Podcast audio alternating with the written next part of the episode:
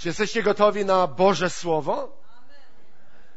Słowo, które Pan posyła do naszych serc. Słowo, które ma nas wzmacniać. Słowo, które nas uczy, wychowuje, prowadzi, pokazuje nam, jakim jest Bóg, kim jest nasz Pan, a także kim my jesteśmy w Nim. Amen. Kiedy modliłem się i myślałem o miesiącu wrześniu, a tak naprawdę to słowo otrzymałem jadąc samochodem przez nasze miasto. Jechałem pewnego dnia tutaj dołem, ulicą Pszczyńską i e, myślałem o, o słowie. Modliłem się w duchu, Panie, Ty dajesz słowo na, na każdy czas. I nagle e, taka myśl, takie tchnienie do, do serca, to trzeba, ja tego nie opiszę, to trzeba przeżyć. I nagle taka myśl przychodzi od Ducha Świętego, takie zdanie, siła nowego życia. Siła nowego życia. I tak sobie jadąc myślałem, no prawda, mam nowe życie w Jezusie. Bóg mnie zbawił. Nie byłbym w stanie żyć tak, jak żyję, gdyby nie Jezus. A więc zacząłem rozmyślać przez chwilę, a później już w domu, skupiając się na Bożym Słowie, rozmyślałem nad tym tematem i oto zrodziły się cztery takie części. Cztery części nauczania. E, bardzo też e, z takim e, cieniem ewangelizacyjnym. Z takim przesłaniem ewangelizacyjnym na temat siły nowego życia. Bo o nowym życiu mówi Biblia. Bo o nowym życiu w Jezusie Chrystusie tak często słyszymy, tyleż razy czytamy. Siła nowego życia. Tkwi siła w nowym życiu, które mamy w Jezusie. Jesteśmy nowymi stworzeniami. O tym będę dziś mówił. I te cztery elementy, które składają się na tą siłę nowego życia, chciałbym nam wszystkim, Kościołowi, w najbliższych naszych niedzielnych spotkaniach przekazywać. I wierzę, że Pan będzie mówił do naszych serc. Ja wierzę w objawione słowo od Pana. Wierzę, że Bóg chce mówić do nas, bo jesteśmy cenni w Jego oczach. Jesteśmy źrenicą Jego oka. Tak mówi Boże Słowo, tak czytamy w jednej z ksiąg mojżeszowych. Bóg kocha nas, Bóg troszczy się o nas i On dał nam, On włożył w nas nowe życie, siła nowego życia. Pozwolę sobie zacytować Słowo Boże, które jest przewodnie w tym rozważaniu. Drugi list do Koryntian, piąty rozdział. Będę czytał z Biblii Warszawsko-Praskiej, siedemnasty i osiemnasty werset. Bardzo znany fragment, fragment ewangelizacyjny, fragment, który mówi o tym, że jesteśmy nowymi stworzeniami. Nawet napisano kiedyś refren, piosenkę na ten temat. Nowe stworzenie to jestem ja. Stare przeminęło, wszystko nowe mam. A więc ten refren pochodzi od tego tekstu. Drugi list do Koryntian, piąty rozdział, siedemnasty, osiemnasty werset. Jeśli więc ktoś pozostaje w Chrystusie, jest nowym stworzeniem. To, co dawne minęło, a oto wszystko stało się nowe. Wszystko zaś to pochodzi od Boga, który pojednał nas ze sobą przez Chrystusa i zlecił nam służbę pojednania. Nowe życie jest nowym życiem. Jeśli kupujemy coś nowego, jeśli kupujemy samochód z salonu i kupujemy nowy samochód, to oczekujemy, że w środku, w nim wszystko będzie nowe. Bylibyśmy niesamowicie sfrustrowani i zawiedzeni, gdybyśmy kupili nowy samochód i okazało się, że ma starą skrzynię biegów. Albo, że ma stary układ wydechowy, pordzewiały i zgnity. Jeśli kupujemy nową rzecz, to nie spodziewamy się w tej nowej rzeczy niczego starego. Amen? Zgadzacie się ze mną? Czy jest wam to obojętne? Czy kupując na przykład mm, jakiś mikser nowy, to e, wam to jest obojętne, czy tam te noże są ostre, e, e, czy są stare, stępione? E, nie, raczej chcielibyśmy, aby były ostre, nowe, by, by ten mikser siekał dobrze nasze warzywa. Amen? Powiem jeszcze coś. Jeśli żyjemy z Bogiem, to w życiu z Bogiem nie ma miksu. Jest tylko mix Nie ma miksu. Niektórzy chrześcijanie uważają, że Bóg jest tak dobry i łaskawy, że nie ma nic przeciwko temu, jeśli w życiu jest miks, a więc trochę świata, trochę Pana, trochę nowego życia, trochę starego życia, trochę moich starych przyzwyczajeń, ale mam też i nowe. A więc idę do kościoła, aby użyć nowe, ale w moim życiu osobistym będę, będę także używał moje stare, bo nie mogę się z nimi rozstać, bo nie mogę się z nimi pożegnać. Nie.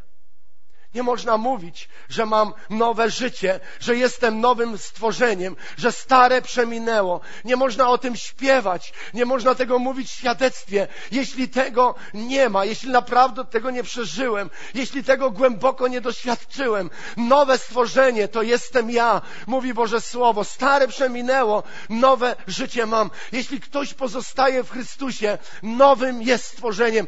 To nie ja napisałem ten tekst. Jeśli macie jakiekolwiek Kościele zastrzeżenia, miejcie je do apostoła Pawła. Apostoł Paweł powiedział, że jeśli ktoś jest w Chrystusie, pozostaje w Chrystusie, jest nowym stworzeniem, to co dawne minęło, dawne rzeczy, które robiliśmy, dawne przyzwyczajenia, dawne grzechy, w których żyliśmy, dawne nasze postawy, wszystko to, co dawne, przeminęło, a oto wszystko stało się nowe i wszystko to pochodzi od Boga do naszego życia. Amen?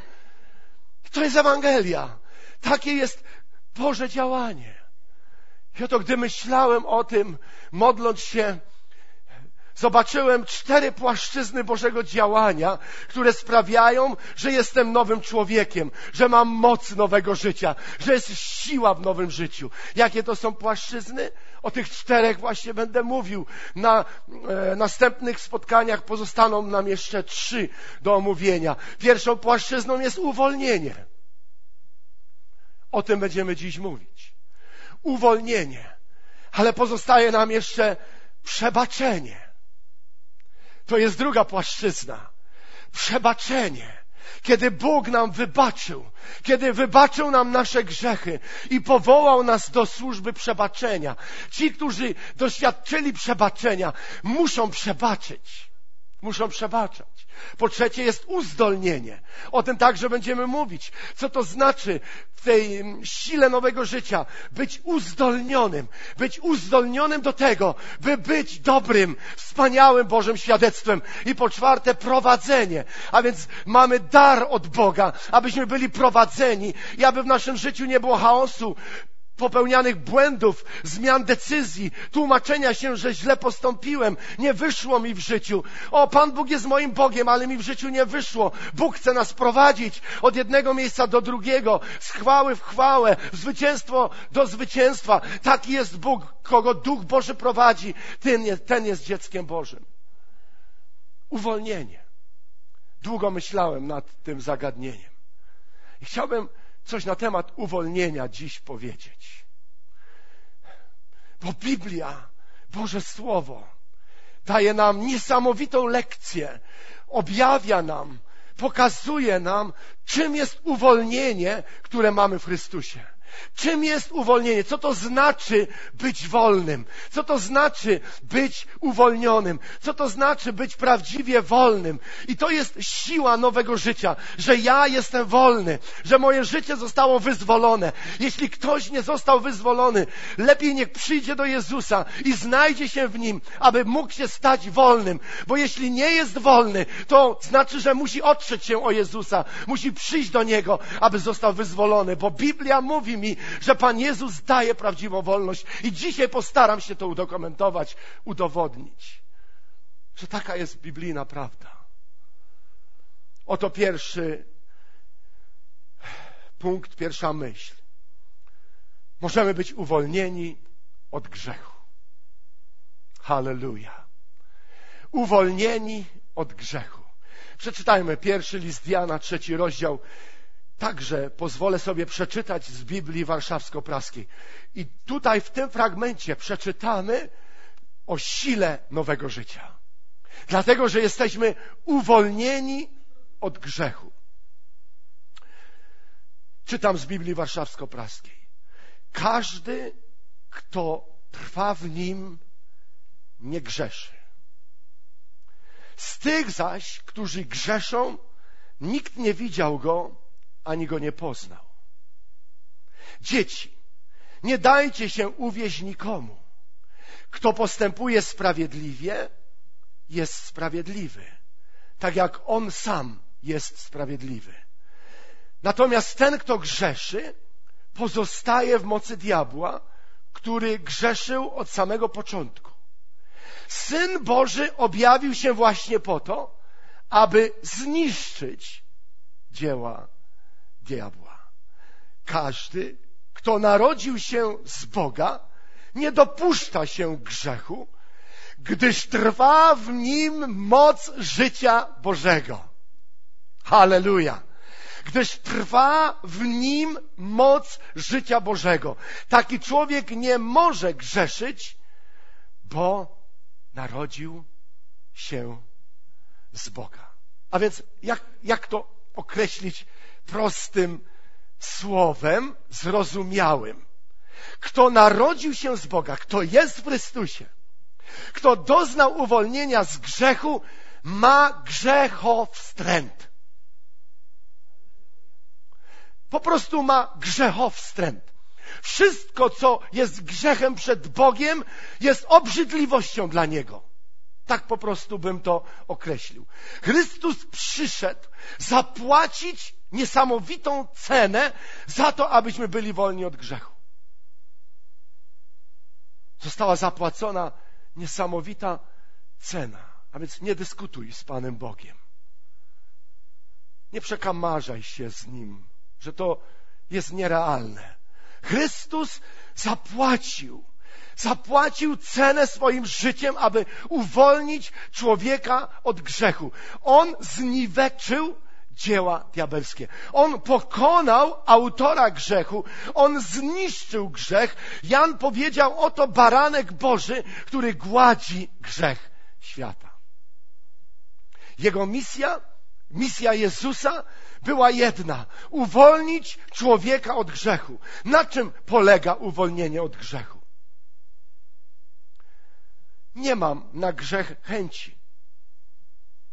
Bo korzeń, pragnienie grzechu, w tym tkwi sedno, że spotkanie z Jezusem, oddanie Jemu życia, nowonarodzenie, to nowe życie ma w tym siłę, że trwamy w Bogu, że trwamy w Jezusie i, i to trwanie w Jezusie sprawia, że nie mamy chęci, nie mamy pragnienia, czujemy się źle z grzechem. Nawet jeśli on się pojawi, nawet jeśli zrobimy coś, co ociera się o grzech, co jest grzechem. Czujemy niesamowity wstręt do tego, czujemy się źle z tym, od razu biegniemy, aby to wyznać Bogu, przychodzimy, e, aby, aby pokutować z tego, nie chcemy więcej do tego wracać. I to jest ta siła nowego życia, że ja nie chcę więcej do tego wracać, bo uczynił mnie Bóg nowym człowiekiem. To nie znaczy, że uczynił mnie doskonałym. Tego nie powiedziałem. Tego także tutaj nie czytamy. Uczynił nas nowym człowiekiem, uczynił nas nowymi ludźmi. Oto włożył w nas nowe życie. Wszystko stało się nowe. A więc w tym nowym życiu czujemy wstręt do grzechu, ale uda nam się popełnić błąd. Czasami przydarzy nam się potknięcie i oto żyjąc w Bogu, żyjąc w Jezusie, czujemy się z tym okropnie źle. To sprawia, że przychodzę do Pana i oczyszczam się Proszę o przebaczenie. I mam niechęć, aby robić to powtórnie. To jest jak wyjście z więzienia, gdzie doznałem niesamowitej, e, niesamowitego upokorzenia. I oto nie chcę tam już więcej wracać. Oto pragnę żyć wolności, którą mam. To jest siła nowego życia, że jestem wolny od grzechu, zbawiony z łaski, usprawiedliwiony przez miłość Bożą. Amen? Siła nowego życia która jest we mnie. Nie muszę wracać z powrotem do brudu, w którym byłem, do tego złego, co robiłem kiedyś, bo Pan mnie uwolnił. Uwolnił mnie z grzechu. To nie znaczy, że człowiek nie zgrzeszy. To jest zupełnie coś innego, że się, inaczej mówiąc, nie potknie, nie popełni błędu.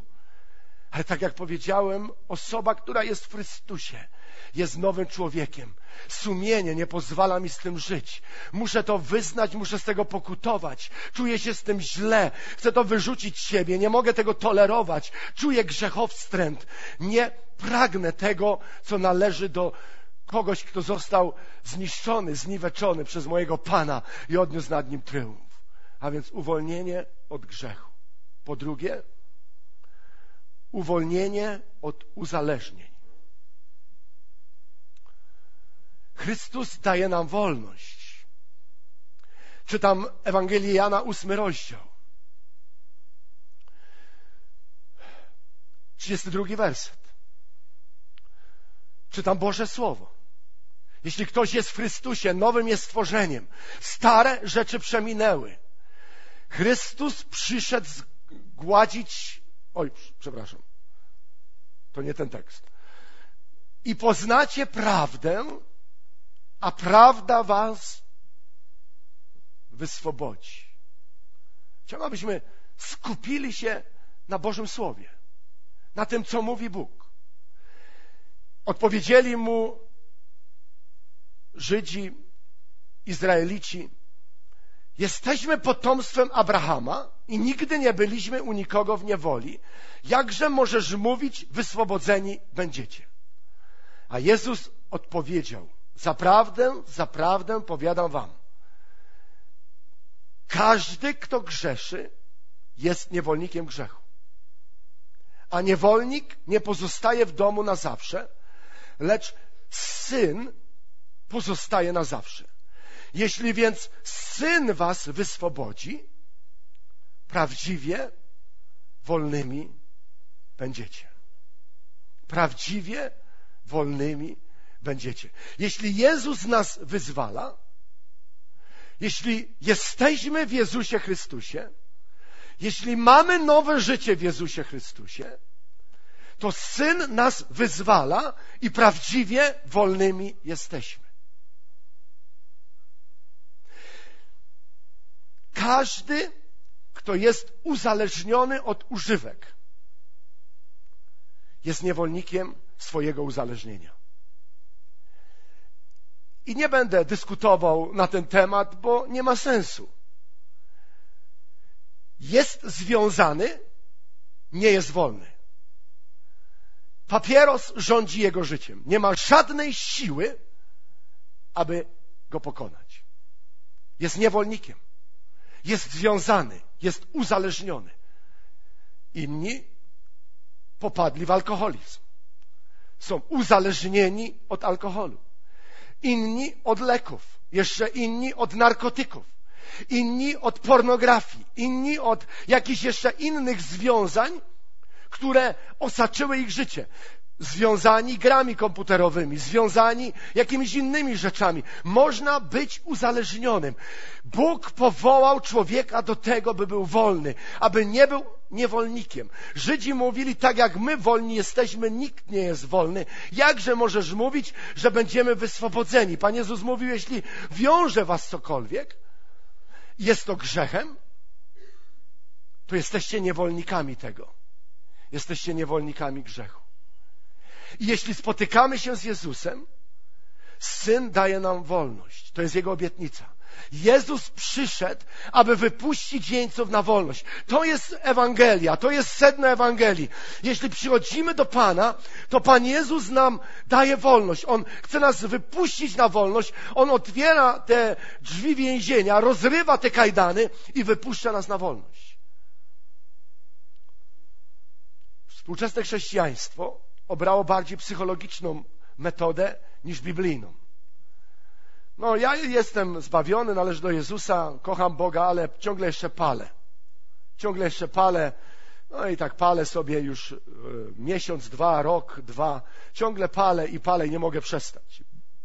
Próbuję, próbuję, no, staram się, już ograniczam, już zmniejszam dawkę.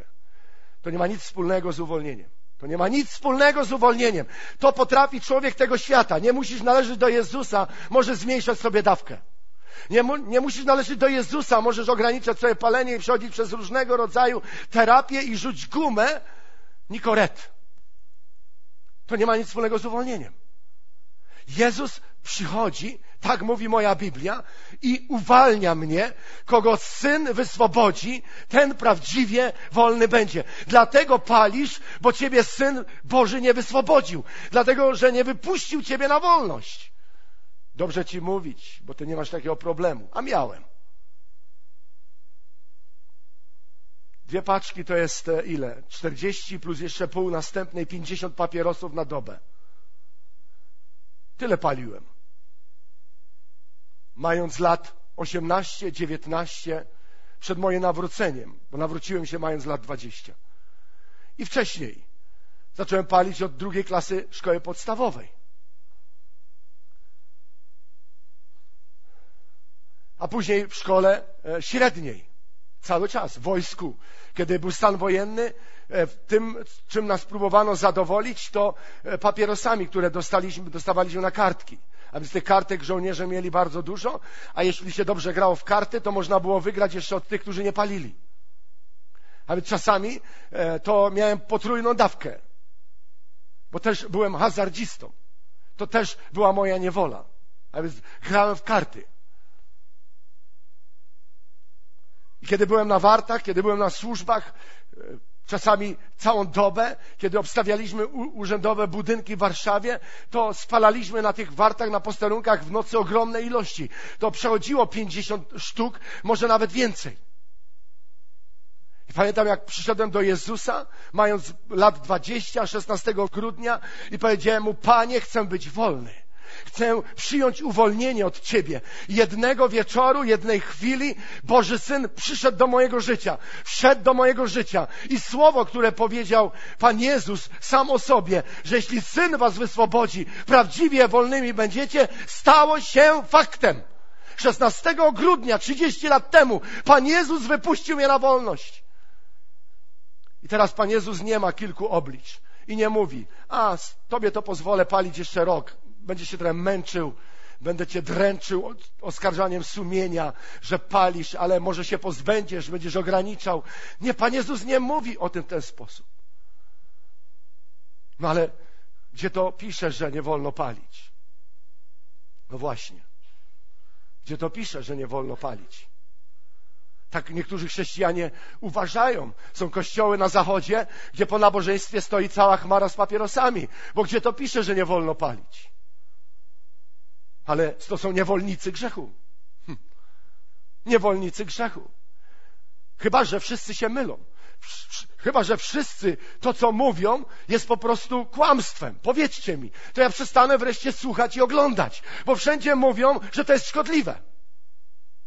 Kłamią? Lekarze mówią, reklamy na papierosach, coraz groźniejsze zdjęcia umieszczają, że raki, że różnego rodzaju choroby, że dolegliwości, a tam co tam, pastorze, mówisz, na coś trzeba przecież umrzeć, nieprawdaż? To jest Twoje podejście do życia i ono mnie nie bardzo interesuje. To jest Twoje podejście, może sobie tak podchodzić do, do życia, że będziesz miał różne używki, bo na coś trzeba umrzeć. Umrzej na byle co. To jest Twój problem, nie mój. Ale jeśli to jest prawdą, że szkodzi to zdrowiu, że to jest zabójca, że papieros jest zabójcą, to ja nie chcę mieć zabójcy w moim życiu, bo to jest morderca, a morderca przyszedł zabijać. A więc trzeba być wolnym. Oto Biblia mówi, kto świadomie niszczy świątynię Bożą, którą jesteśmy, jest winien przed Bogiem. Tego ukaże Bóg. A więc nie mamy prawa dewastować świątyni, którą jesteśmy przed Panem. A więc potrzebujemy uwolnienia. Pisze do mnie dziewczyna i, i pyta, pastorze, czy to jest grzechem zrobić sobie tatuaże? Bo mnie tak kręci, aby sobie zrobić. Bo jestem chrześcijanką i czytam Biblię i nigdzie nie mogę znaleźć nic przeciwko temu, czy ze mną jest coś nie tak, czy z Biblią jest coś nie tak. No to wtedy jej odpisałem i mówię, a gdzie pisze, że nie wolno palić? Też nie pisze.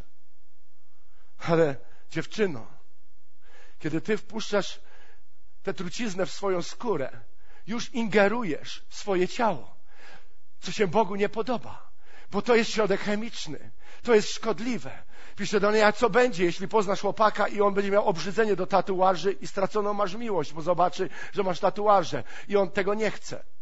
Co będzie, jeśli później ci się to sprzykrzy? Jak to usuniesz? Ile za to zapłacisz? Bądź mądra. To do niczego ci nie jest potrzebne w życiu. Potrzebujesz Jezusa, Jego łaski i błogosławieństwa, nie tatuażu motylka. Potrzebujesz Jezusa, potrzebujesz Jego miłości, Jego zaopatrzenia, nie takich rzeczy, które są zbędne. Bóg Ciebie stworzył tak, jak Cię stworzył. Nie musisz nic robić, aby ingerować swoją skórę. Pan daje prawdziwą wolność. Każdy, kto jest uzależniony od grzechu, jest niewolnikiem grzechu. Ale Pan Jezus przyszedł, aby nas uwolnić. I to jest siła nowego życia, że możemy być prawdziwie wolni. Amen. Że Bóg może zabrać z nas nałogi, że może rozerwać te kajdany grzechu, że może wypuścić nas na wolność, bo On jest Bogiem cudów. Po trzecie, uwolnił nas od przekleństwa. Bardzo szybko. Ludzie cierpią z powodu przekleństwa. Przekleństwa dziedzicznego, przekleństwa zła, przekleństwa grzechu, które ciąży na nas, przekleństwa z pokolenia na pokolenie, z powodu tego, co robili nasi rodzice, nasi przodkowie. Oto przekleństwo dosięga i naszego życia, dlatego wielu dzisiaj żyje pod przekleństwem, może nawet w nieświadomości, ale Pan Jezus przyszedł, aby nas uwolnić. W liście do Galacjan 3 od 13 czytamy. Lecz Chrystus wyzwolił nas z tego przekleństwa prawa, sam stając się dla naszego dobra przekleństwem, zgodnie z tym, co napisane, przeklęty każdy, kto zawiózł na drzewie. W ten sposób błogosławieństwo przeznaczone przez Boga Abrahamowi za pośrednictwem Jezusa Chrystusa stąpiło na pogan, na nas, a my wszyscy dzięki wierze otrzymaliśmy obietnicę ducha. W ten sposób to, co zostało obiecane przez Boga Abrahamowi za pośrednictwem Jezusa, stąpiło na pogan, na nas. Mamy stuprocentowe prawo korzystać z błogosławieństwa i żyć jako wolni od przekleństwa. Amen. Bo Pan Jezus wziął nasze przekleństwo na siebie. Moc zwycięstwa Chrystusa nad przekleństwem jest niesamowitą siłą. To jest siła nowego życia. Jest to moc krzyża moc łamiąca wszelką siłę przekleństwa w naszym życiu. Nieważne jakie prawo miał diabeł do nas. Nieważne, jakie przekleństwo zostało na nas rzucone. Nieważne, jakie słowa zostały wypowiedziane. Nieważne jakiej magii, wróżb i czarów, horoskopów i przepowiedni się trzymaliśmy. Przychodząc do Chrystusa mamy prawo do wolności i do błogosławieństwa obiecanego Abrahamowi. Pan Jezus przyszedł, aby uwolnić nas od przekleństwa. Mogę być wolny w Jezusie. Całe zło, które ciążyło nad moim życiem, zostało przekreślone przez krzyż. W liście do Rzymian 8, 20 do 21 znalazłem taki tekst, bardzo wspaniały tekst. Słabości bowiem zostało poddane stworzenie nie z własnej woli, bo diabeł wziął nas w niewolę ale ze względu na poddającego je prawom słabości w nadziei, że i samo stworzenie będzie uwolnione z niewoli zepsucia ku chwalebnej wolności dzieci Bożych. Halleluja.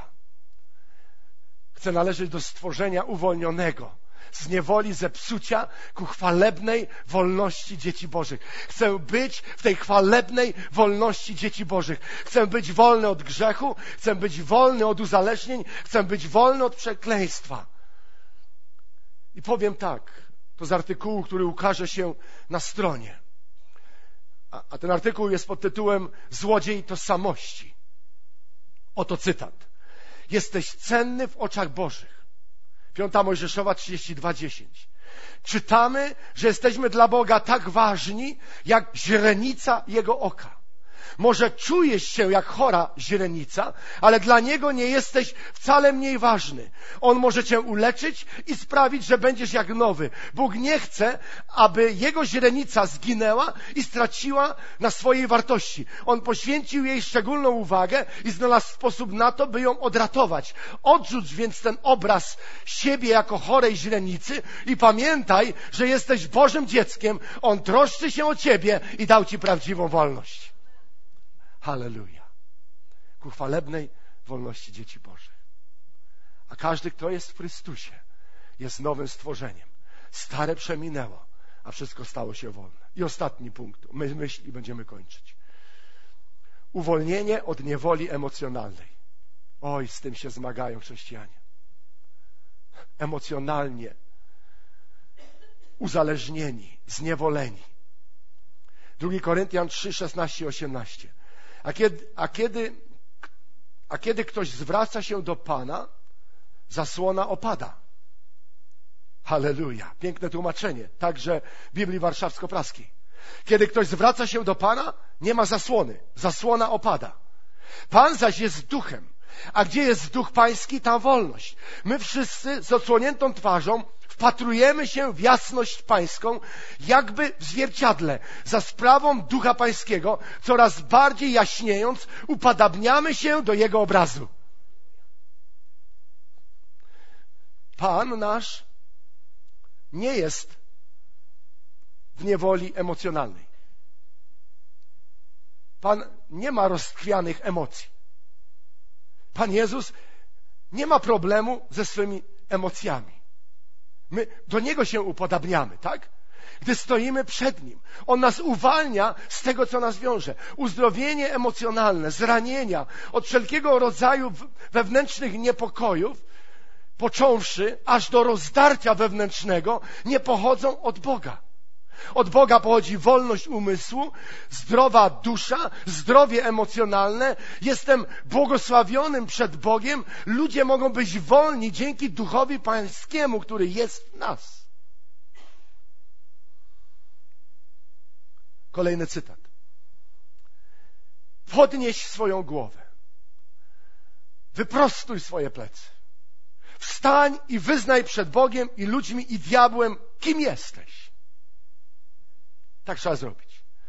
Kiedy próbuje nas wszystko przycisnąć, podnieść głowę, wyprostować plecy, wstać i wyznać przed Bogiem i ludźmi, i diabłem, kim jesteś.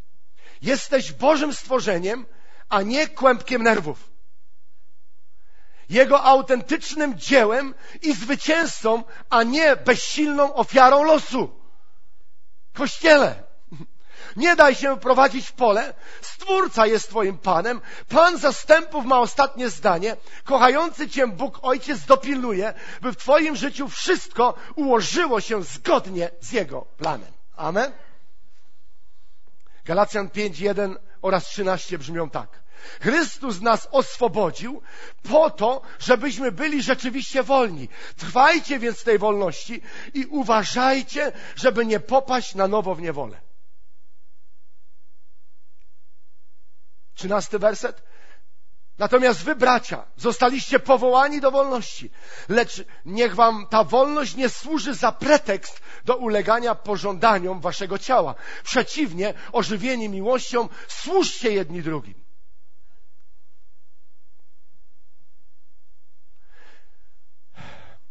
Diabeł stosuje swoją technikę i przyznaje, że wiele razy odnosi zaskakujące sukcesy. W jaki sposób?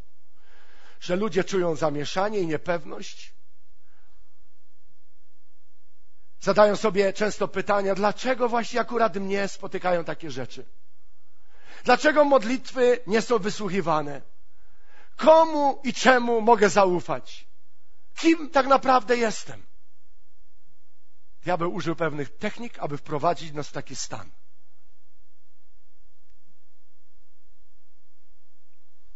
Biblia mówi, że wszystkich dotykają różne trudności.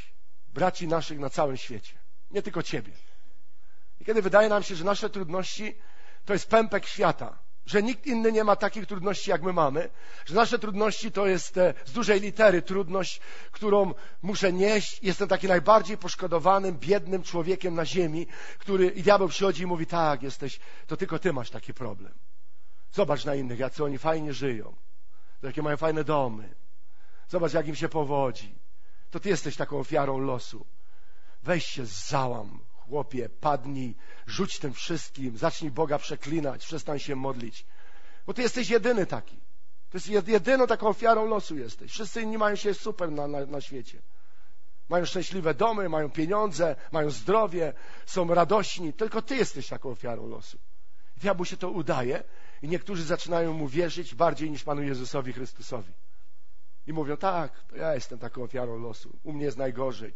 Moje modlitwy nie są wysłuchiwane. Nie mam już nikomu, komu bym mógł zaufać. Po co ja tu w ogóle jestem? I diabeł udaje się zniszczyć nasze emocje. Stajemy się rozchwiani emocjonalnie. Ale Pan Jezus przyszedł, aby dać nam wolność emocjonalną. Chrystus nas oswobodził, żebyśmy byli rzeczywiście wolni. Możemy zobaczyć, że o wiele więcej ludzi ma o wiele, wiele gorzej niż my mamy. Że o wiele więcej ludzi cierpi głód i nie ma co jeść, umiera z głodu, nie umieją pisać ani czytać, nie mają dachu nad głową, nie mają gdzie się schronić. Że Pan mi błogosławi. Chcę być Mu wdzięczny za to, co mam. Oczywiście są trudności, z którymi się zmagam, ale mój Pan jest po mojej stronie, więc podniosę moją głowę, wyprostuję moje plecy i będę wierzył, że Bóg się o mnie troszczy. Nie pozwolę diabłu, aby stosował swoje techniki na moim życiu, bo Bóg powołał mnie do wolności i Pan Jezus uczynił mnie wolnym i nie dam się związać ponownie w niewolę, nie popadnę ponownie w niewolę. Ale jest także jeszcze inny przeciwnik, którym ja jestem sam. Lecz niech wam ta wolność nie służy za pretekst do ulegania pożądaniom waszego ciała. A więc ja sam mogę spowodować, że wpadnę z powrotem w niewolę. Mogę być sprawcą zniszczenia wolności i szczęścia, które dał mi Bóg. Mogę być sam sprawcą ulegania pokusie, które przychodzą na nasze życie. A więc mam zwalczyć porządliwość, mam pokonać pokusę w imieniu Pana, która się pojawia. Nie pozwolę sobie zabrać wolności, którą dał mi Jezus, bo chwila przyjemności w grzechu może zniszczyć Twoje szczęście i pokój na długi, długi czas. Chwila pokusy, ulegania, porządliwości, zdrada małżeńska, seks na boku, chwila przyjemności, niszczy życie całych rodzin, niszczy życie małżeństw, niszczy życie dzieci, niszczy życie ludzi. Chwila przyjemności z prostytutką powoduje, że chory człowiek e, kolejny na AIDS się pojawia. Chwila przyjemności powoduje zaspokojenia tego pożądania, za które później kilka minut już się żałuje, że się zrobiło. Takie jest uleganie pożądaniom w życiu człowieka. Ale Bóg dał nam siłę, abyśmy mogli trwać wolności, którą mamy mamy w Jezusie. Amen? I to jest, to jest nasze szczęście, że możemy być blisko naszego, naszego Pana. Halleluja. Bo On powołał nas do wolności. I to jest siła nowego życia dzięki uwolnieniu.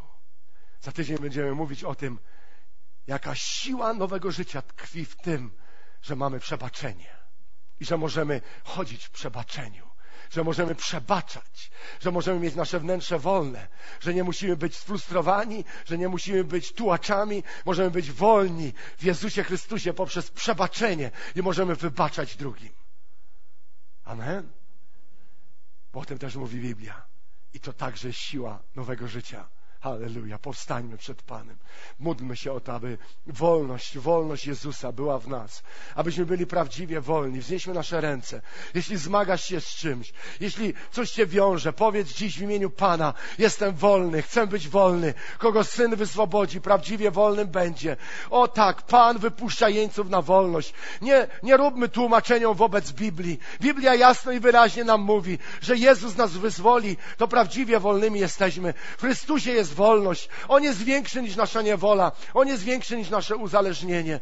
Panie, dziękujemy Ci, że mamy nowe życie że jest siła w tym nowym życiu, że poprzez uwolnienie mamy siłę do nowego życia, że możemy żyć nowym życiem w Jezusie, że Panie uwolniłeś nas z grzechu, że uwolniłeś nas z uzależnień, że uwalniasz nas z uzależnień. Panie, dziękujemy Ci, że uwolniłeś nas z różnych e, e, emocjonalnych problemów, Panie, że jesteś tym, który daje nam prawdziwą wolność, że jesteś źródłem prawdziwej wolności. Dziękujemy Ci, Panie, że nie musimy być już więcej w niewoli, że Ty wypuszczasz jeńców na wolność, wolność. Panie, dziękuję Ci, że w imieniu Jezusa Chrystusa mamy wolność i ci, którzy trwają w Jezusie, mają wolność, są nowymi stworzeniami. Stare przeminęło, wszystko jest nowe. Panie, dziękuję Ci za nowe życie. Dziękuję Ci za życie pełne wolności, za to, że nie muszę już być w niewoli grzechu, że nie muszę być w więzieniu uzależnienia, że nie muszę być związany, Panie, rzeczami nieprawymi, grzechem, porządliwością. Panie, dziękuję Ci, że dałeś wolność. Dziękuję Ci, że jesteś wielki, że jesteś wielki w naszym życiu, że jesteś potężny w naszym życiu. Panie, dziękuję Ci, Jezu.